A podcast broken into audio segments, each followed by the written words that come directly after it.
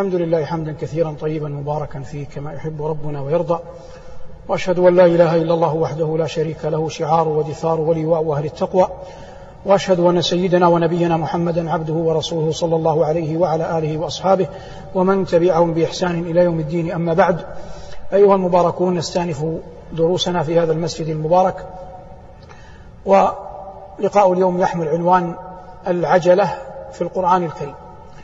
وهذه المفردة وردت كثيرا في القرآن لكنني كما تبين لكم من طريق تدريسنا في هذا المسجد أننا نختار آيات في الغالب نعرج فيها على تلكم المفردة وما صاحبها من آيات. قال أصدق القائلين خلق الإنسان من عجل سأريكم آياتي فلا تستعجلوا. العرب جرى في مفهوم كلامها أن الشيء الإنسان إذا غلب عليه طبع ما يقولون له كأنك مخلوق منه. وإلا فالأصل أن أبانا آدم خلق من من طين. وبعض اللغويين أغرب وأبعد فقال إن العجلة بمعنى الطين. واحتج بقول القائل عن النخل والنخل بين الماء والعجل أي بين الماء والطين. لكن مثل هذا بعيد جدا إمراره على القرآن. لكن ما قاله الزجاج وغيره وتبعه عليه الكثيرون من أن المعنى جبل الإنسان طبع على العجلة. وبعض رواة الأخبار يقولون والعلم عند الله أن الله لما خلق آدم ونفخ فيه من روحه صرت الروح في عينيه. فأبصر آدم عليه السلام ثمار الجنة. ثم صرت الروح إلى جوفه فاشتهى تلك الثمار. فأراد أن يقوم ليأكل منها قبل أن تصل الروح إلى قدميه فوقع. قالوا هذا معنى قول الله خلق الإنسان من عجل لكن هذه أخبار جلها مأخوذ عن الإسرائيليات ولا أعلم أن شيئا من هذا يرفع للنبي صلى الله عليه وسلم. لكنني ذكرت على منهجنا أننا نبين ثم نرجح فنقول كما قال الأولون من اللغويين وبعض أهل التفسير أن المقصود أن الإنسان جبل على العجلة. وهذا في المؤمنين وفي الكفار. ولهذا قال الله سأريكم آياتي. والمعنى أن الكفار كفرا وعنادا يستبطئون العذاب. وقالوا اللهم إن كان هذا هو الحق من عندك فأمطر علينا حجارة من السماء. والمؤمنون لشدة بغضهم للكفار يستبطئون العذاب يريدون أن يكون هناك نصر قريب. فكل من الفريقين يستعجل العذاب مع اختلاف في في السبب. وإنما دفع بني آدم إلى مثل هذا ما يلي؟ أن الإنسان جبلة إذا أغضب وهو يقدر على أن ينتقم ماذا يقع منه؟ يسارع بال بالانتقام. فهذا الكافر هذا والله من نفائس العلم وهذا الكافر يرى أنه يعصي الله ولا يرى عقوبة تنزل عليه. فيقول في نفسه لو كان الله قادرا على أن يعذبني لعذبني. فلم يبقى إلا أن الله راض عن صنيعي فأبقى عليه. واضح؟ الذي يدفع الكافر إلى أن يبقى على كفره يقول لو كان الله قادرا على أن يعذبني لعذبني. لكنه لم يعذبني وهذا دلالة على أن الله راض عن عن صنيعي. فهو من جهله جعل حاله مثل حال مثل حال الخالق. الله جل وعلا قادر على أن ينتقم لكنه تبارك وتعالى حليم ولهذا قال ولو يعجل الله للناس ذكر العذاب ذكر السيئة في آيات أخر. ولهذا لما جهل بعض بني آدم فجعل حاله مثل حال الخالق ضل سواء السبيل. هذه الآية الأولى. الآية الثانية في هذا المقام قول الله جل وعلا وما أعجلك عن قومك يا موسى؟ قال هم أولئي على أثري وعجلت إليك ربي لترضى. معنى الآية لما كان بنو إسرائيل في التيه أمر الله موسى أن يختار سبعين رجلا للميقات. قال ربنا واختار موسى قومه سبعين رجلا لميقاتنا. قبل أن يصلوا إلى الميقات إلى الجبل انفرد موسى عنهم وتركهم وتعجل أن يأتي إلى من؟ إلى ربه. لأن موسى قد علم حفاوة الله به في المقام الأول فعجل إلى الميقات الثاني ولم يأتي مع قوم مع قومه سبقهم إلى الميقات. ظاهر هذا؟ قال له أرحم الراحمين وأصدق القائلين وما أعجلك عن قومك يا موسى؟ لم يذكر السبب تأدب مع ربه. قال هم أولئي على أثري. معنى على أثري كأنهم قريبون جدا أي على خطوات قدمي. يعني لم يبعد بعد أن تذهب آثار قدمي إلا وهم عابرون. ثم قال يستجدي رحمة ربه وعجلت إليك ربي لترضى. فظن عليه السلام أن هذه العجلة محمودة. لكن الله عاتبه معاتبة لطيفة قال له فإن قد فتنا قومك من بعدك وأضلهم السامري. فلما تعجلت عن قومك أضلهم السامري لأنك عجلت وتركتهم وراءك. فبين له جل وعلا أن عجلته هذه من غير أن يصرح له بها لمقامه عند الله فيها شيء من المعاتبة عليه.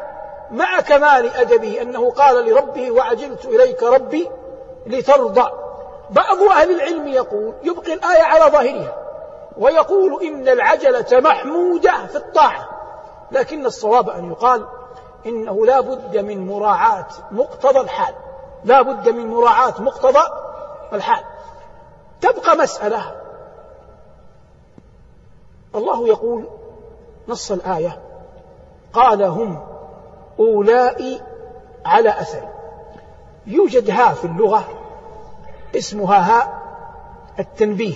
اسمها ماذا؟ هاء التنبيه. في غير القرآن يقال ها هم هؤلاء على أثر. واضح؟ الهاء ما اسمها؟ هاء التنبيه. وقلنا لو في غير القرآن نقول ها هم هؤلاء على أثر. موسى قال هم أولئي على أثر. ما قال ها هم؟ من غلب على علمه الصناعة النحوية. ماذا يقول؟ يقول هذا دليل على أن هاء التنبيه يجوز إبقاؤها ويجوز حذفها. هل هذا صحيح؟ صحيح. بكل ورد القرآن. ها قالوا ربنا هؤلاء شركاؤنا. واضح الآن؟ واضح. من غلب على ظنه الصناعة النحوية يقول الآية ليس فيها أكثر من أن تجوز حذفها ويجوز إبقاؤها. من غلب على علمه الصناعة الروحية للقرآن. ينظر بالإيمان لا يقف عند هذا الحد. قال ابن هبيرة رحمه الله حتى ينسب العلم إلى أهله قال الأصفياء لا يمكن أن يخاطبوا الله بها التنبيه. الله أجل من أن ينبه. فموسى لأنه من الأصفياء ما قال ها هم ما أتى بها التنبيه. فالله جل وعلا لا يخاطب بمثل هذا. قال هم أولئي على أثر. فإن احتج عليك قائل بقول الله في النحل قالوا ربنا هؤلاء هؤلاء شركاؤنا. وجيء بها التنبيه فإن هذه الهاء أو هذه الآية على ألسنة من؟ على ألسنة الكفار ليست على ألسنة الأصفياء واضح؟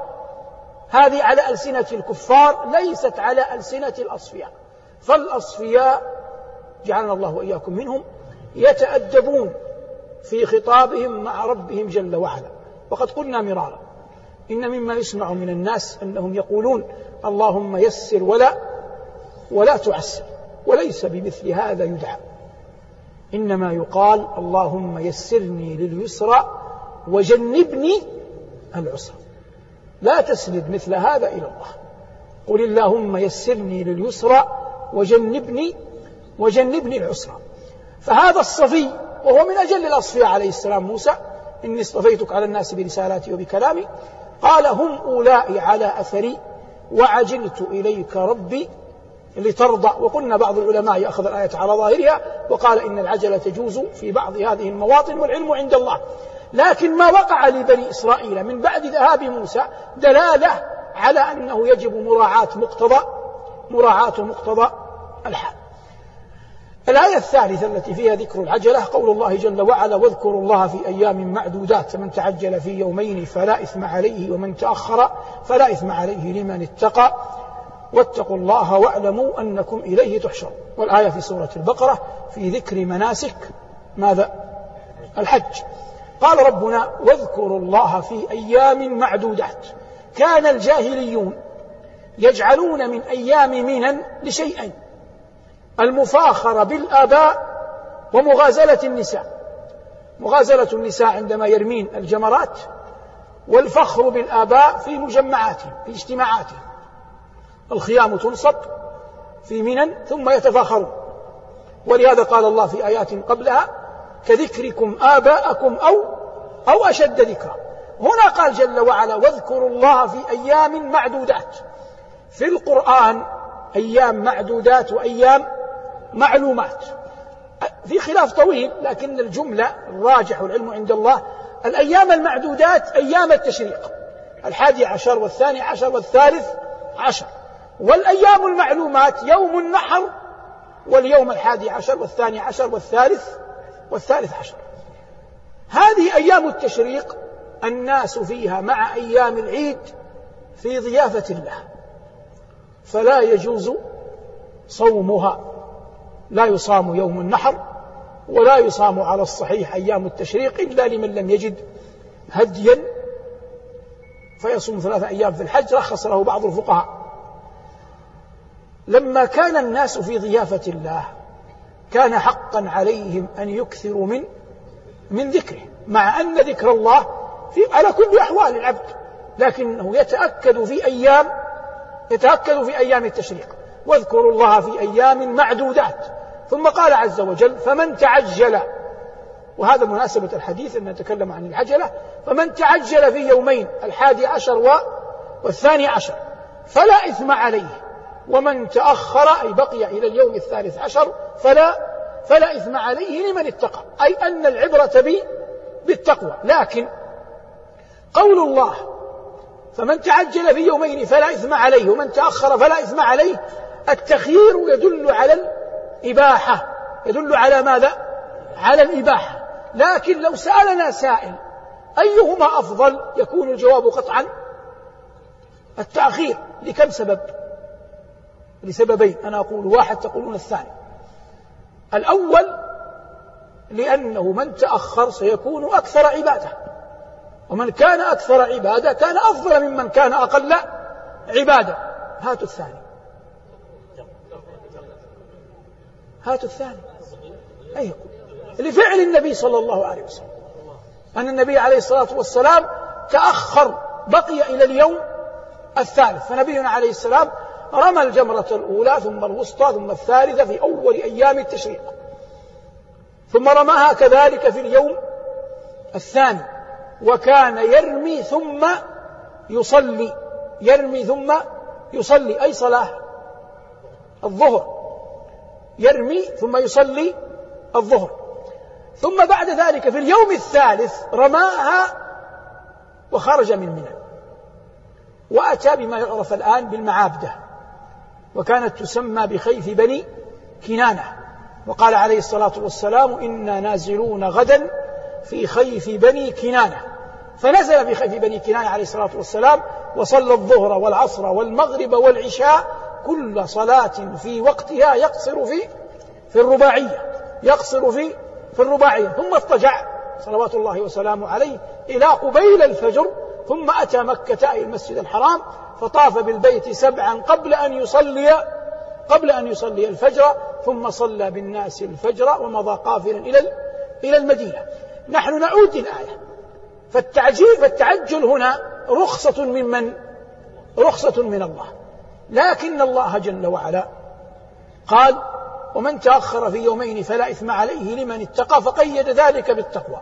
وقد اختلف العلماء رحمهم الله في قول الله جل وعلا لمن اتقى وقوله وقوله فلا إثم عليه. وأحسن الأجوبة في هذا ما ذكره بعضهم من أنه كانوا في زمن الجاهلية يجعلون هذه الأيام للمفاخرة ولمغازلة النساء. فيكون المعنى أن البعض يتعجل لا يريد أن يشارك أن يذكر أيام الجاهلية يتعجل في في يومين. والآخر يبقى. فبين الله جل وعلا أنه لك أن تتعجل ولك, ولك أن تبقى لكن دع عنك ما كان يصنع في الجاهلية وأبق على تقوى الله وأكثر من ذكره واذكروا الله في أيام معدودات. ثم قال ربنا واتقوا الله واعلموا أنكم واتقوا الله الذي إليه تحشرون. تحشرون أي تجمعون. أيام الحج. تذكر بماذا؟ بالحشر وبقدر الله. قال عليه الصلاة والسلام بني الإسلام على خمس شهادة أن لا إله إلا الله وأن محمد رسول الله وإقام الصلاة وإيتاء الزكاة وصوم رمضان وقال في الآخر وحج بيت الله. متى مات صلى الله عليه وسلم؟ بعد حجة الوداع. فكأن حجه خاتمة الأركان وخاتمة بقائه في الدنيا صلوات الله وسلامه عليه. فكان آخر عهده بالدنيا أن حج أن حج البيت صلوات الله وسلامه عليه. وقد أعلمه الله وهو في عرفة أنه لن يعود إلى إلى عرفة.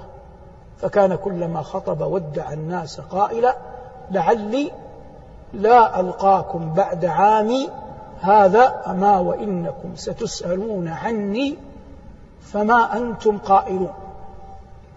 مكث ثلاثة وعشرين سنة يدعو إلى الله.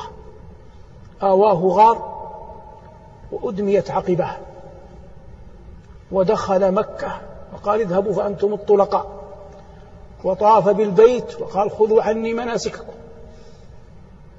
وهو لا يدري متى سيموت؟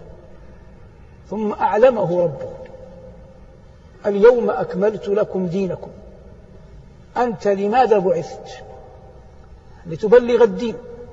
والدين قد كمل بنص القرآن. فعلم عليه الصلاة والسلام أن بقاءه في الدنيا قليل فودع الناس وقال لعلي لا ألقاكم بعد عامي هذا. وقفل صلى الله عليه وسلم راجعا إلى إلى المدينة. وأنا وأنت والمسلمون المعاصرون لم ير أحد منا رسول الله صلى الله عليه وسلم. وأنا على يقين أن في قلبك شوقا لأن تراه. ضرب موعدا هو الحوض. كلما التزمت هديه وسنته كنت قريبا من أن ترد حوضه. يخرج الناس عطشا. ما أحوج إلى أن يسقيهم الله من يد نبيه. ويخرج الناس عراه. ما أحوج أن يكسوهم ربهم. ويخرج الناس تدنو منهم الشمس. ما أحوج أن يظلهم الله تحت ظل عرشه.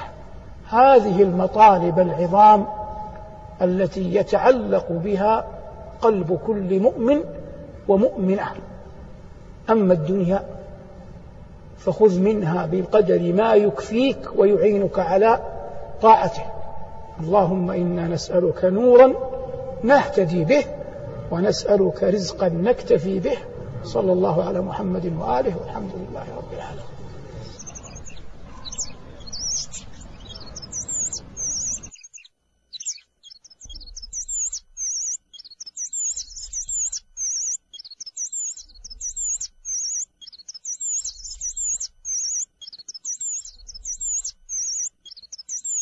لو أنزلنا هذا القرآن على جبل لرأيته خاشعا متصدعا من خشية الله وتلك الأمثال نضربها للناس لعلهم يتفكرون